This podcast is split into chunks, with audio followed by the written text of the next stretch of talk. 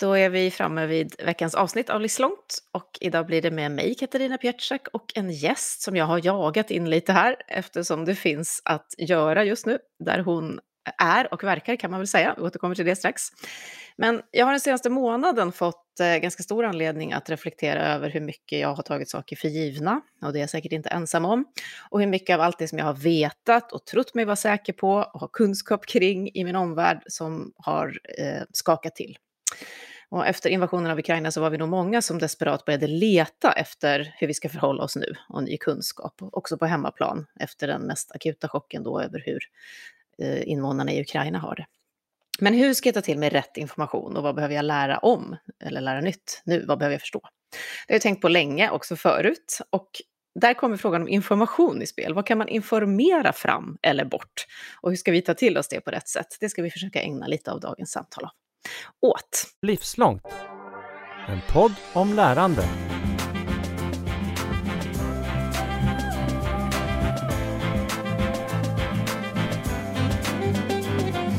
Och jag kan inte tänka mig en bättre gäst än den vi du då nu snabbt har fått in till Livslångt. Varmt välkommen Anna Täljfors, kriskommunikatör på MSB, alltså vår myndighet för samhällsskydd och beredskap. Hej! Hej och tack, vilket fint välkomnande. Ja, det, vi är så glada att du är med. Jag är jätteglad. Tack. Hur har dina senaste veckor varit? De har varit klart intensiva, mm. vilket ju inte var oväntat. Det är ju någonting man alltid är beredd på. MSB är ju en beredskapsmyndighet ju. Eh, även om jag inte har en sån tjänst idag där jag ska vara i tjänst på bekväm tid, det har jag haft tidigare, så är det ju någonting i en som drar igång. Eh, det är ju ens gamla inre nyhetsmänniska eller så.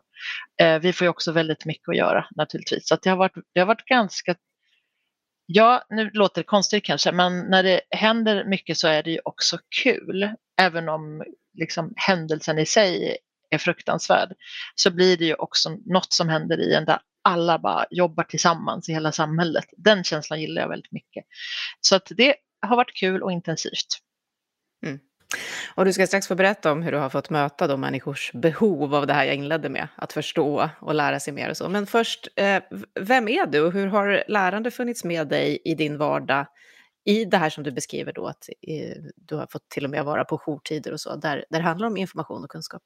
Ja, jag har också bakgrund inom radio från början och var en eh, föreningsnörd och eh, närradio nörd eh, väldigt länge eh, och fick sen jobb inom radio och höll på med det mycket. Och det jag tyckte var kul med radio var just egentligen att få förmedla samhällsinformation. När jag jobbade med reklamradio så retade mina kollegor mig att jag tyckte att det var liksom roligt att presentera vädret. Jag bara, nu kommer det viktiga. Viktig information på gång. Eh, jag har också även jobbat liksom mycket med humor och, och underhållning. Men just det här som var att berätta för människor om något jag tror att min liksom, roll som riskkommunikatör föddes där eh, när jag läste vädret. Eh, så det har väl alltid varit spännande tycker jag med att undervisa. Jag kommer från en också familj av mycket pedagogik. Mina båda föräldrar är trafiklärare eller var innan de gick i pension.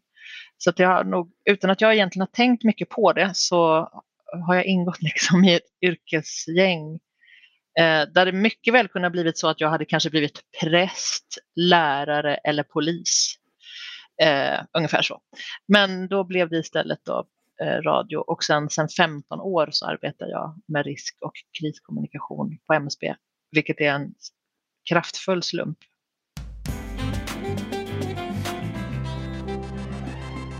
Ja, för jag tänker just från humor och underhållning till kriskommunikation så skulle man kunna föreställa sig att steget är eh, ganska långt. Men hur, hur tänker du kring just kommunikation och information i kris? Vilka element behöver finnas med då? Apropå det? Alltså är man i krisen, eh, mitt i den, då är det väldigt mycket känslor och eh, också tunnelseende att man behöver ta hänsyn till och där kommer ju tydligheten in.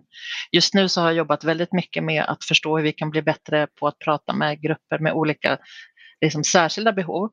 Och det är ju egentligen den kommunikation som alltid borde ske, tänker jag. Eh, att vara supertydlig, alltså det ska inte finnas någon liksom ironi eller några tolkningsmöjligheter eller eh, så, utan bara väldigt, väldigt rakt. Och det här är ju mycket svårare än man kan tro.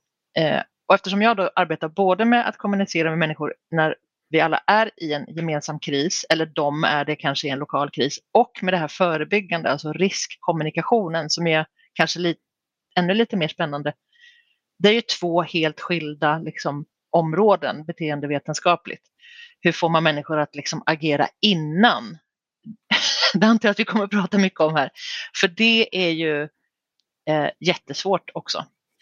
Eh, när det väl händer något, då kan ju folk inte få information fort nog. Då är det liksom mm. bara, vad är mitt skyddsrum nu? Mm.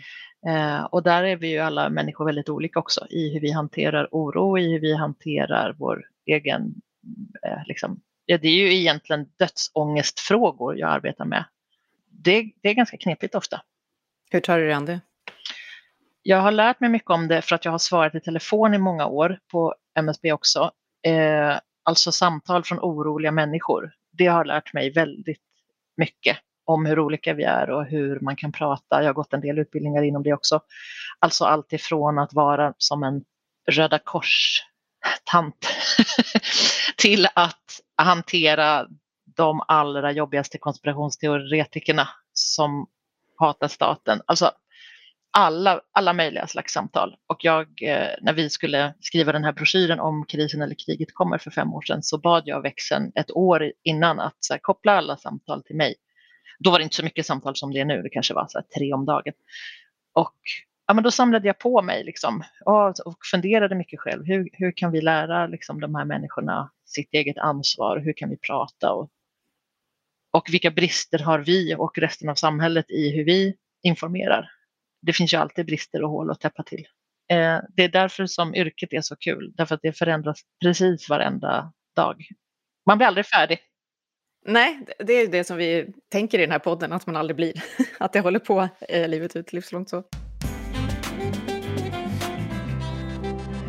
Men den här senaste tiden då som jag själv beskrev var som att bli väckt ur någon slags slummer. Eh, där ju vi förstås hoppades och trodde att det inte skulle vara så här i vår omvärld eller att våra barn skulle få uppleva en sån omvärld eller så. Eh, vad har du sett hos människor i det uppvaknandet eller hört när du har svarat i telefon eller mött andra? Mycket generationsskillnader har jag upplevt. Eh, där har vi ju en generation som fortfarande är alive and kicking i Sverige som är lite äldre, som vi har på något sätt så skuffat undan lite under pandemin och kallat för de äldre istället för att inkludera dem eh, som är högst kompetenta människor allihopa. Eh, de är ju eh, bra på det här med kris och krig och förberedelser för de har upplevt det. Eh, de är de enda i Sverige som liksom minns att hur andra världskriget påverkade oss här. Jag har min farmors gamla ransoneringskort som jag har fått av henne. Eh, hon var 17 år när det blev fred och hon har berättat mycket för mig hur, hur det var eh, och hur mm. liksom, ja, alltså på en vardagsnivå. Det är vardagsnivån som är den allra intressantaste alltid. Så vi har ju mm. den, den då gruppen, om man kan kalla det för grupp, av personer som ja, födda på 20-30-talet, eh, 40 lite också. Och sen har vi ju många då därefter, alltså som ändå kan vara vuxna som du och jag, men som har levt i Sverige hela våra liv, men som inte liksom har behövt tänka på de här sakerna.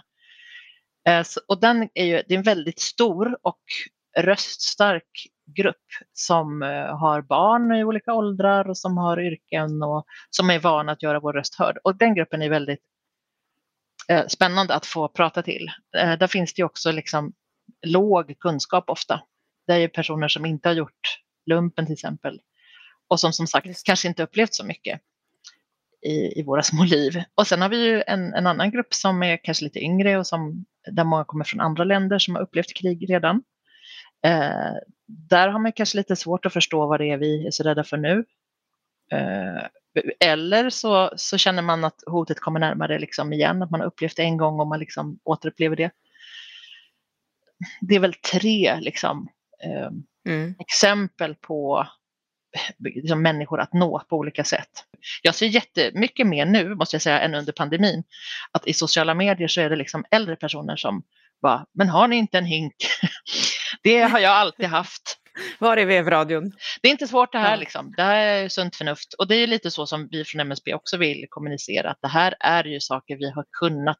Hur har människor före oss liksom överlevt? Ja, för att de har planerat lite och sparat grejer och eh, liksom tänkt till. Eh, det har ju vi inte behövt göra, så det är inte så jättekonstigt att vi är typ dåliga på det, utan eh, det är högst naturligt. Vi pratar ibland om att vi är bortskämda. Jag har hört det många gånger tidigare. Så här, vi har inte haft, varit i kontakt med krig på 200 år i Sverige och vi är så bortskämda mm. och vi kan inte sätta oss in i det där. Och nu så kastas ju det då över bord, eller vad ska jag säga, på, på över en natt nästan då för många. Att otänkbara händer. Mm. Att det kommer direkt efter en pandemin, hur blir det för många människor? Märker du att oron ökar, att vi är skörare, att vi har ställt in oss mer? Eller blundade vi också under den för den här typen av preventiva planerande åtgärder? Nej, men det där har vi undersökt ganska mycket. Jag jobbar ju med en enhet på MSB som vänder sig just till privatpersoner inom säkerhet i offentlig miljö och det här äh, hemberedskapsfrågorna, liksom vad, man, vad man ska ha och skaffa och så. Och vi vet att pandemin har gjort många människor bättre förberedda än innan. Dels mentalt, och det är väl kanske det viktigaste, att man har fått en ökad förståelse för att något kan hända eh, när vi började arbeta liksom mer kraftfullt med de här frågorna för ungefär fem år sedan, då handlade det mycket om att få människor att förstå att någonting kan hända som gör att din vardag förändras. Och det vet vi nu, så det har vi liksom uppnått, vilket är fantastiskt. Eh, man har också fått insikt, vet vi, om att man kan behöva hjälpas åt i vardagen. Vi pratar ju också ofta om det här med att lära känna sina grannar och känner man sina grannar till vardags så är det ju mycket lättare att hjälpas åt i kris. En granne som du aldrig har sagt hej till och så helt plötsligt behöver du vatten eller vad som helst, så är det steget kanske lite längre eh, än om du träffar den grannen och snackar ofta. Så att mental förberedelse, en insikt om att vardagen liksom blir bättre om vi hjälps åt och att man också har skaffat, inte tillräckligt, absolut inte, vi har långt kvar, men skaffat lite fler saker till den här krislådan eller sitt förråd hemma. Eh, så på så sätt så tror jag att eh, pandemin liksom har gett skjuts till det här läget där vi är nu, där vi behöver tänka till igen då. Men också märker man ju av en mental uttrötthet, verkligen. Mm. Det känner väl alla. Nu när vi äntligen liksom skulle få glädjas och träffas och ha roligt så blir det ett jäkla krig liksom. Det var någon som sa till mig, tänk om det här hade hänt när vi inte fick ses, när det var de här restriktionerna som låg. Hur hade vi då ja. tagit oss an det, apropå det du säger om grannar och att vi måste gå ihop?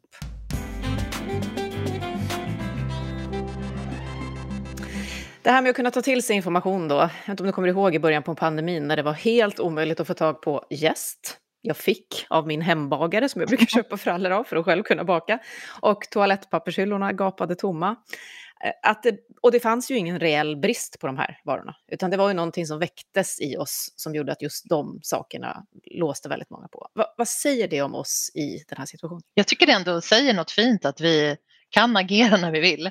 Eh, och vilket, eh, vilken impact det har med liksom massbeteenden. Eh, eh, det var ju aldrig slut. Det var ju aldrig slut i handelssystemet utan det var ju slut i, det blev slut i enstaka butiker. Så ser man den här tomma hyllan och bara går hem och liksom Facebookar om det kanske och så bara blir det bara mer och mer och mer. Eh, mm. och så kommer kanske en kritik då mot samhället att man inte har kvar beredskapslagren och så blir det större och större och större. Bara så eh, men att folk ändrar sitt beteende är ju någonting positivt. Eh, ofta, inte alltid, men att man faktiskt kan liksom tänka till och, och bara okej, okay, men då köper jag också det här. Eh, det här med beteendeförändring är ju något av det så svåraste som finns ju.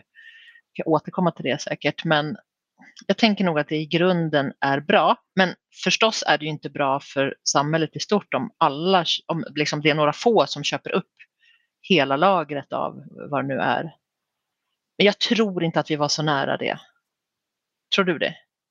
Nej, det tror jag inte. Jag bara var helt förundrad mm. över att det just till exempel då gäst inte gick att få tag på på flera månader. Så kom man till en affär. Vad man undrar är om folk bakade upp den där gästen verkligen. För det, ja, det, har, det verkligen går ju hand i hand med eh, Alltså beredskap och hållbarhet går på många sätt hand i hand. Men om det blir eh, den här effekten att, som jag hörde, eh, vi var med i ett radioprogram eh, som pratade om liksom, hushållsekonomi och då Eh, då fick jag frågan så här, nej men de som skaffade konserver när ni skickade ut den där broschyren, de, de har ju kastat dem nu. Jag bara, men nu har ni tänkt fel. det är inte meningen, utan man ska ju rotera och använda upp maten. Alltså våra äldre släktingar skulle skämmas om de hörde det här. Mm. Ställ det längst fram som du använder och fyll på bakifrån. Mm.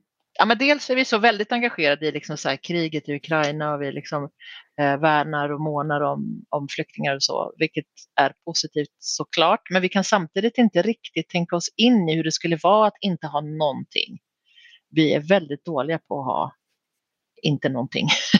vi, om vi dessutom då är inte rädda om det vi faktiskt har så då tycker jag man får tänka lite bättre faktiskt. Och då kommer vi till de där svåra, svåra beteendeförändringarna och helst då också i förebyggande syfte, alltså riskkommunikationen och att du behöver tänka på de här sakerna innan. Men det är jättesvårt att göra det för att du inte kan föreställa dig hur det då blir. Eh, hur tar ni er an den utmaningen? Vad, vad försöker ni göra och har försökt långt innan den här invasionen eller pandemin kom? Men vad vi har jobbat med under sex år nu, eller vi har alltid haft det uppdraget så vi har alltid pratat om det här, men Eh, vi startade en kampanj eh, 2017 som heter Krisberedskapsveckan som är tänkt att pågå i kommuner och, och sådär lokalt. Många skolor är med och frivilliga organisationer och scouter och sådär. Eh, och då har vi liksom givit i uppdrag till kommunerna att prata om vad som kan hända lokalt. Det är ju ofta en, man brukar säga så här, alla kriser är ju lokala. Även om du har ett, ett krig som inte ens pågår i Sverige så påverkar det oss lokalt. Eh, just nu kanske främst för att vi då är rädda och oroliga. Eh, men det skulle kunna bli någonting där man bor, alltså till exempel en översvämning, skogsbrand, IT-attack på någon, någonting som gör att eh, allt inte fungerar som du är van vid. Strömavbrott, alltså ett långt strömavbrott är ju ett case som vi ofta lyfter för det är lätt att förstå och det får väldigt stor påverkan. Så då har vi ju eh, tillsammans med kommunerna eh, hjälpt dem att med ett speciellt verktyg liksom lyfta deras lokala risker. Alltså om du bor i Boden, då är det kanske mycket liksom dammbrott. Vad händer då? Vilka återsamlingsplatser? Vilka skolor kommer vara öppna? Då kan de kommunicera det. Och när riskerna kommer så pass nära en lokalt så blir det lite lättare också att relatera till dem. Jag bor själv i Stockholm och jag kan tycka att kanske Stockholms stad inte pratar jättemycket om det här. Eh, men, men alltså det är ju liksom, har vi närhet till flygplats, har vi kanske då, ja översvämning i Mälaren kan det bli. Eh, man bor nära liksom någon stor trafikplats där saker kan hända, kanske utsläpp av farliga ämnen, där det skulle kunna bli viktigt meddelande till allmänheten att man ska gå in. Eh, när man börjar prata med barn om det här så tycker de oftast att det är ganska spännande. Det gäller liksom att göra det med rätt anslag så att det inte blir för läskigt och så. Men jag tycker ändå man har liksom ett ansvar att se över sin närmiljö lite grann. Så det är ett steg då, en sak som vi jobbar med eh, jättemycket. Och sen har det både pandemin och det som händer nu kanske avbrutit det lite grann, men det är ju något som vi kommer fortsätta med. Mm. Sen under pandemin hade vi ett särskilt regeringsuppdrag tillsammans med Folkhälsomyndigheten eh, som hette Allmänna råd. Det. Och det var ju de här alla tvätta händerna-kampanjer man såg i tidningar och på, på tunnelbana och så här, eh, annan kollektivtrafik. Och det var ju mycket byggt på eh, en modell som heter COM-B som är, består av tre delar. Att människor ska ha kunskap, möjlighet och motivation. Och hur denna motivationen då? Ja, men för att motivera sig. Eh, vi tog fram en övning eh, efter vi hade gjort broschyren om krisen eller kriget kommer och den heter Rädd eller beredd. Och den kan man göra i vilken grupp som helst eller med sin familj. Den består egentligen bara av fyra steg. Man ska identifiera vad som kan hända här där vi bor, vilka konsekvenser det skulle få, till exempel då översvämning. Och sen funderar man på så här, hur kan vi hjälpas åt med den här situationen? Vad har var och en av oss liksom för skills, egenskaper eller erfarenheter som är bra? Och jag har gjort den här övningen i så många olika grupper och den är alltid jättekul. Eh, fast den handlar om kris eller krig så är det häftigt att se att alla liksom växer. Vi var gjorde den i en skola där det var eh, mycket tonåringar från olika länder och det var ganska så här, ja, alla pratade på, men killarna pratade väl kanske lite mer. Och så sa vi, men vad, vad kan du för någonting? Liksom, vad kan du och du och du? Eh, och killarna bara, jag, kan, jag är bra på det här och jag kan döda folk i mitt tv-spel eller liksom. Och eh, tjejerna satt lite mer tysta så. Och sen när de väl, när tjejerna i den här gruppen väl kom på Eh, vad de var bra på, de var bra på så otroligt många grejer. Men att förstå liksom att jag kanske är bra på att passa mina småsyskon eller jag kan flera språk eller jag typ har en jättebra cykel. Allt kan vara användbart någon gång. Och att få landa i det som individ och bara känna sig kompetent och känna sig viktig som en del av samhället. Vi säger ju ofta så. Du är en del av samhället eller du är en del av Sveriges beredskap. Det kan vara ett, ett incitament för att börja liksom förbereda sig och tänka på de här, på de här frågorna. Och motivation och hur vi kan väcka den, det är ju något som hela tiden kommer i spel för oss när vi försöker skapa förutsättningar för lärande. Och väldigt, väldigt svårt och stort område. Mm. Just för att människor är olika, men också för att det är olika förutsättningar. Så. Hur, hur har ni tagit er an eh, den frågan om att motivera också förebyggande? Det är verkligen spännande. För jag, jag, vet inte hur många möten jag har varit på på sistone där jag har känt att så här, åh, här gick vi igång. Och då säger jag alltid, som de sa när man var på barnavårdscentralen med sin lilla bebis, då sa i alla fall alltid sköterskan till mig så här, jaha, nu har liksom han eller hon lärt sig det här. Lusten styr utvecklingen. Och det, det brukar jag jätteofta säga på jobbet. Jag bara, märkte ni nu att ni blivit sugna på det här? och det är lusten som styr utvecklingen. Och så måste det vara för våra målgrupper också. Eh, vi har ju de här tre delarna då, kunskap, eh, möjlighet och motivation. Om vi börjar med motivationen det har varit ganska så här peppiga budskap tycker jag i pandemin till exempel. Så här, Kämpa nu det sista eller tänk på snart får du träffa din familj. Liksom. Lite så här drömscener kan man nästan jobba med då. Hur, hur bra kommer det bli om vi bara liksom anstränger oss det här sista nu tillsammans. Eh, och som jag sa tidigare så är det ju olika Eh, värden som är viktiga för olika människor. För många som inte har ett socialt liv så har ju inte det varit något som har motiverat dem. De kanske lever jätteensamt. Då får man försöka liksom spela på andra strängar kanske, att trycka på att man är en, en del i samhället och, och försöka få dem att känna sig viktiga på det sättet. Hot verkar ju ändå motivera oss då, för det, när det väl kommer en kris så ändrar vi beteende. Hur stark faktor är hot? Stark, men risken är ju att vi bara agerar för stunden och eh, i någon, någon slags panik och missbedömer information som finns. Exempelvis nu har det varit mycket om skyddsrum. Eh, MSB har ju liksom velat bevara vårt skyddsrumsbestånd i Sverige. Vi har haft skyddsrum sedan andra världskriget och Sverige har jättemånga skyddsrum. Men när det står i media att skyddsrummen räcker inte till alla och tre miljoner får inte plats, alltså då får ju man ju panik. Jag förstår det. Eh, och då är det nästan omöjligt för oss att komma in med liksom, ja men så här var det tänkt. Och, Eh, att vi då pratar om att det är bostadsrättsföreningar ofta som är skyddsrumsägare. Det här har vi försökt prata om i många, många år, men det har man inte liksom, haft möjlighet att ta in. Det har varit så himla oviktigt. Så risken med att liksom, man pratar under hot är att det blir folk blir så fixerade vid någon tanke och sen inte som kan ta in helheten. Det är som ett stresspåslag då som blir. Det här kan ju forskarna mer om än vad jag kan, men, men det, är, det är verkligen en utmaning. Däremot nu skulle jag säga när det har liksom gått en månad snart eh, efter den invasionen, så nu börjar det ju liksom lugna sig lite och nu är man mer mottaglig för, för de här informationsbudskapen. Om vi tar skyddsrum som exempel så är det ju många fastighetsföretag nu som, som har varit smarta och gjort utskick till sina medlemsboende, eh, liksom att så här jobbar vi med skyddsrum eller du kan beställa en inspektion här. Alltså då, okej, okay, ja det finns ett system för det liksom.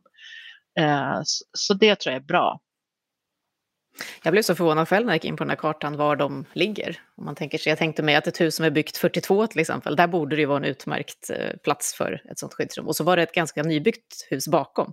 Så jag tänker mig att det också finns en, en hel del eh, att försöka ta in kring det där. Varför, varför har inte jag ett skyddsrum i min källare? Mm. Ja, men då blir det så här, det här är det viktigaste just nu. Ja. Eh, och sen kom ju frågan så här, varför man inte tar med hundar och så spillde det över till, men folk kommer stå där och äta nötter. Alltså, det blir, det blir liksom väldigt, väldigt smala frågor och så upplever man att vi inte, att vi inte heller vet eller har tänkt. Och då kan jag, då kan jag förstå att man liksom får panik om man, om man uppfattar det så. Staten tar inte hand om mig och så vidare. Så, där. Eh, så det, det handlar ju väldigt mycket om att bemöta den typen av känslor också. Mm. Det bästa kanske är ett lite smygande hot som inte kommer så fort. Det är kanske bättre, alltså rent liksom lärandemässigt. Mm. Vi vet att om ett år kommer en invasion. Det skulle vara lagom. Dags att börja preppa. Myndigheten för samhällsskydd och beredskap har fått ta in extra personal för att hinna skicka ut alla krisbroschyrer som folk beställer just nu. MSB har fått över 110 000 beställningar av Om krisen eller kriget kommer. Broschyrerna finns Jag hörde just nyligen på nyheterna att ni har fått ta in extra personal för att distribuera den här broschyren Om krisen eller kriget kommer. Det finns på ert lager i Kristinehamn. Eftersom ni nu har 4 till 5 000 beställningar om dagen mot normalt fem om dagen. Mm. Vad tror du det är folk fyller då för behov och eh, vad händer med dem när de tar emot den här broschyren? jag som har jobbat med den verkligen till varenda bokstav, absolut inte ensam, men den känns verkligen som mitt fjärde barn, den där broschyren. Jag blir väldigt glad när folk eh, uppfattar den som en, en trygg eh, som stolpe där på havet att ta tag i eh, som en trygghet. Eh, jag tror att man, och vilket liksom också stämmer, det är ju liksom boken från Sverige om hur du kan tänka för att bli bättre förberedd. Det är ju på uppdrag av regeringen som vi har skrivit den ju tillsammans med Försvarsmakten. Broschyren ska hjälpa oss att bli bättre förberedda på allt från allvarliga olyckor, extremt väder och IT-attacker till militära konflikter. Eh, så vi vet ju att åtta av tio har sparat den, vilket är ju otroligt bra. Och det var ju ändå under en tid när vi inte hade någon särskild kris eller något, utan den kom ju verkligen i ett ganska lugnt läge. Många människor kan känna oro inför en osäker omvärld.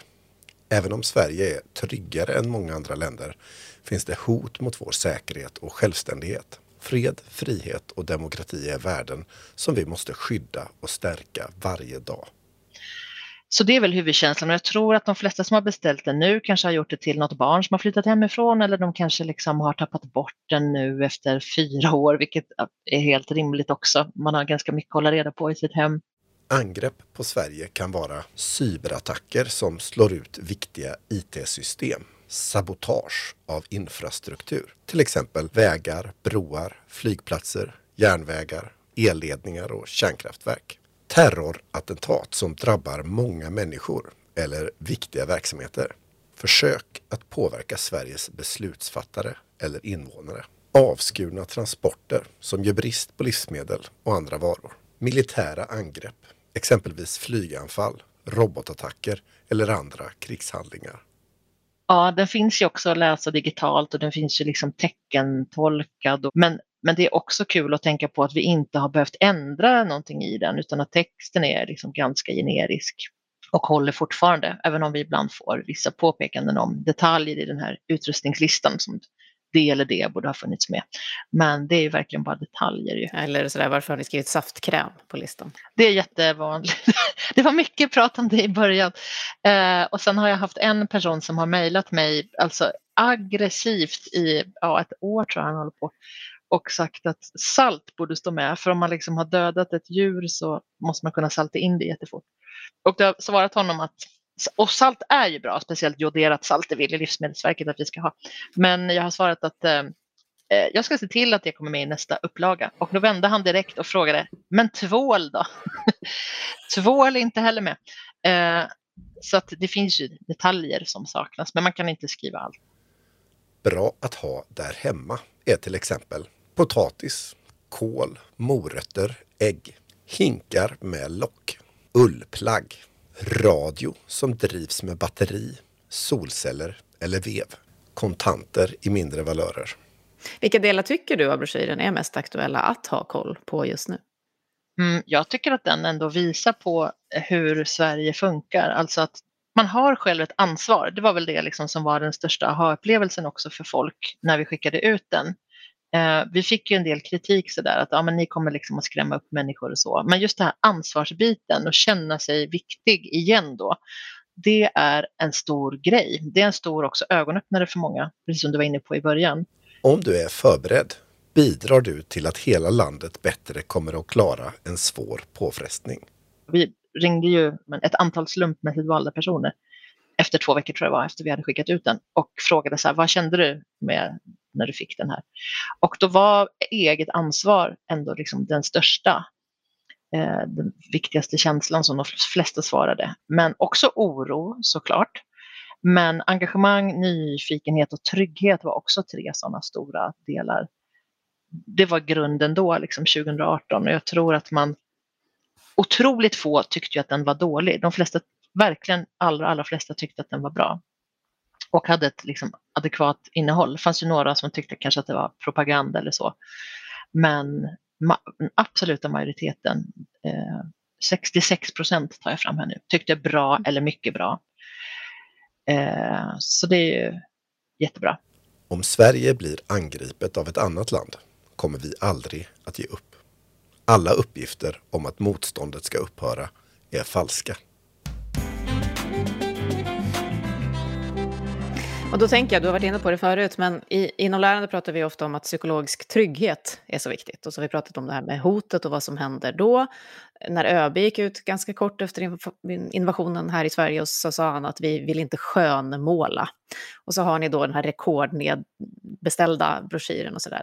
Hur försöker ni hitta den balansen mellan den här psykologiska tryggheten mm. och ändå, du har ett ansvar själv, för det finns faktiskt hot runt oss. Det är jättesvårt jag tror inte ens att jag har något bra svar på det. Mer än att vi följer det hela tiden och pratar väldigt mycket om människors beteende och försöker se vad, hur kan vi anpassa och hur kan vi göra bättre? När ska vi säga olika saker? Ska vi vänta med det här? Alltså till exempel presskonferenserna på, som har varit nu under pandemin, de har ju varit liksom uppbyggda på att vissa siffror kommer liksom i vissa tidpunkter och sådär. Eh, och sen ska man försöka göra något så här, snyggt paket av det. Ja, men det är en utmaning var, varje dag. Och det är också kan det också vara frustrerande, tänker jag? Jag tänker ja. på det gamla citatet som någon filosof, Hegel tror jag, av historien lär vi oss att vi inget lär av historien. alltså att vi alltid glömmer saker och att vi alltid borde ha koll på de här förberedelserna men inte har det. Kan det vara frustrerande för dig? Det är ofta som man bara, Åh, nu sa vi inte det här i tid. Vi skulle till exempel ha gjort ett utskick förra året till en massa bostadsrättsföreningar, hade vi tänkt. Men på grund av att pandemin ändå så tog fart igen. Och då skulle vi ha pratat om till exempel att eh, tänk på att du också är ansvarig för skyddsrum och så. Och det kan jag personligen bara, ah, jäklar också, det hade varit så mycket lättare nu. och det var inte så att vi skulle göra det på något speciellt uppdrag, utan det var min arbetsgrupp som tänkte att ah, men det kanske är dags att säga det här. Uh, liksom utifrån att det är bra att hjälpas åt med grannar och så. Så att, eh, ja, men samtidigt skulle man ju bli knäpp av att gå och tänka hela tiden vad man inte har hunnit, utan försöka se allt man Eh, hinner göra och som vi gör väldigt bra och tydligt förhoppningsvis. Sen är det ju en utmaning att få människor att hitta den informationen i den här super, liksom, eh, Niagara-fallet av information och så mäter ni ju effekten och kollar hur det tas emot, det ni gör som du berättade om. Ni mm. det till slumpmässigt mm. utvalda personer, men också annat har jag sett att ni följer upp och mäter och så. Och så apropå det här citatet då, vad tror du kommer stanna kvar med oss nu efter den här krisen som vi verkligen hoppas har ett slut inom så snar framtid som det bara går? Vad kommer stanna kvar i form av lärande och, och förståelse efteråt? Oj.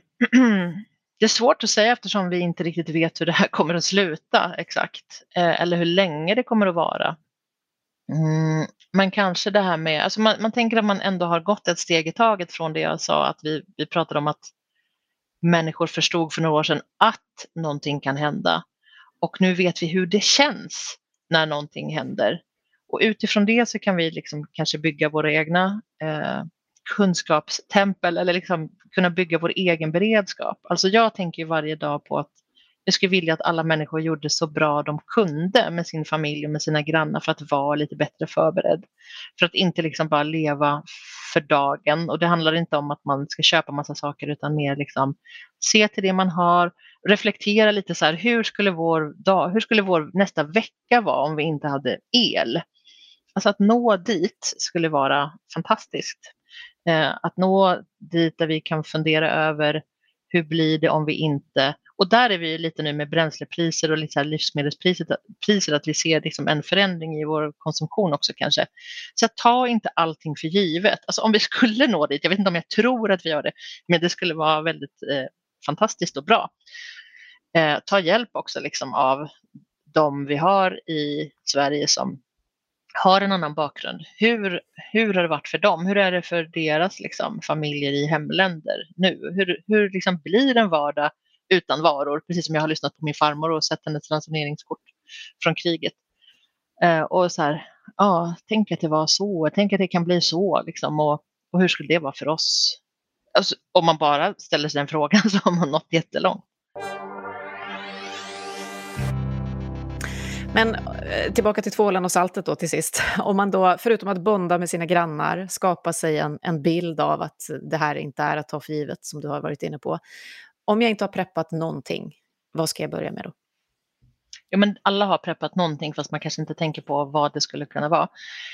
Um, om du inte har tänkt på någon, om vi säger så här, vi utgår från verkligen uh, att det är tajt ekonomiskt och man inte har funderat så mycket på de här frågorna och kanske heller inte bor med egen brunn eller öppen spis och liknande så tycker jag att man ska fundera över hur man skulle lyssna på nyheter i första hand. Hur skulle man göra det utan sin telefon? Vi säger vi kastar bort telefonen en vecka. Hur tar du del av det som händer i samhället? Eh, lyssna på Beredskapskanalen, Sveriges Radio.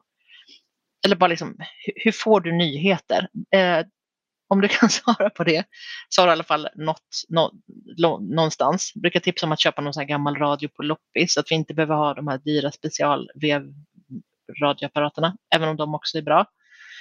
Eh, du kanske har liksom lite termosar och kärl hemma som du skulle kunna fylla lite vatten i och bara ställa så svalt och mörkt du kan.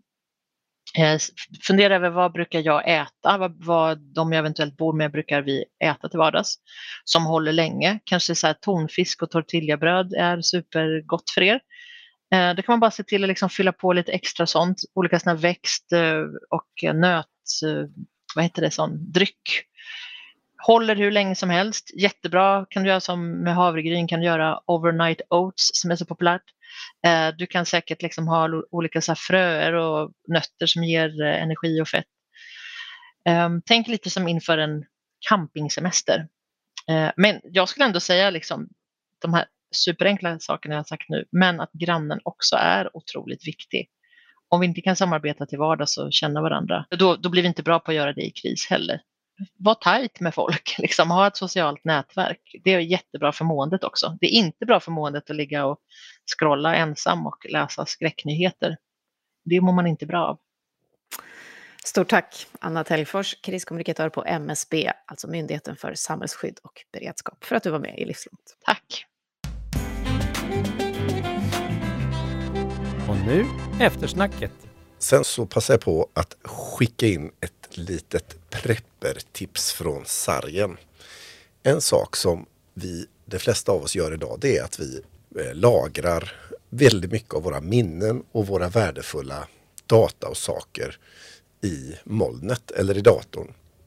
Men om vi behöver snabbt ta oss hemifrån och vi vill minnas och bevara mycket av de digitala saker som är värdefulla för oss, som till exempel foton eller eh, olika typer av avtal eller andra handlingar och dokument, saker man skriver på. Då kan man ladda ner alla de där någon gång i mellanvarven på ett USB-minne som är litet nog att få plats med i plånboken eller handväskan. Och det gör att man faktiskt alltid har med sig stora delar av sina minnen och sammanhang vart man än är. Och det är en lite göttig känsla. Du har just hört Livslångt, en podd från RISE om allt det där man lär sig i livet. Vi hörs om en vecka igen.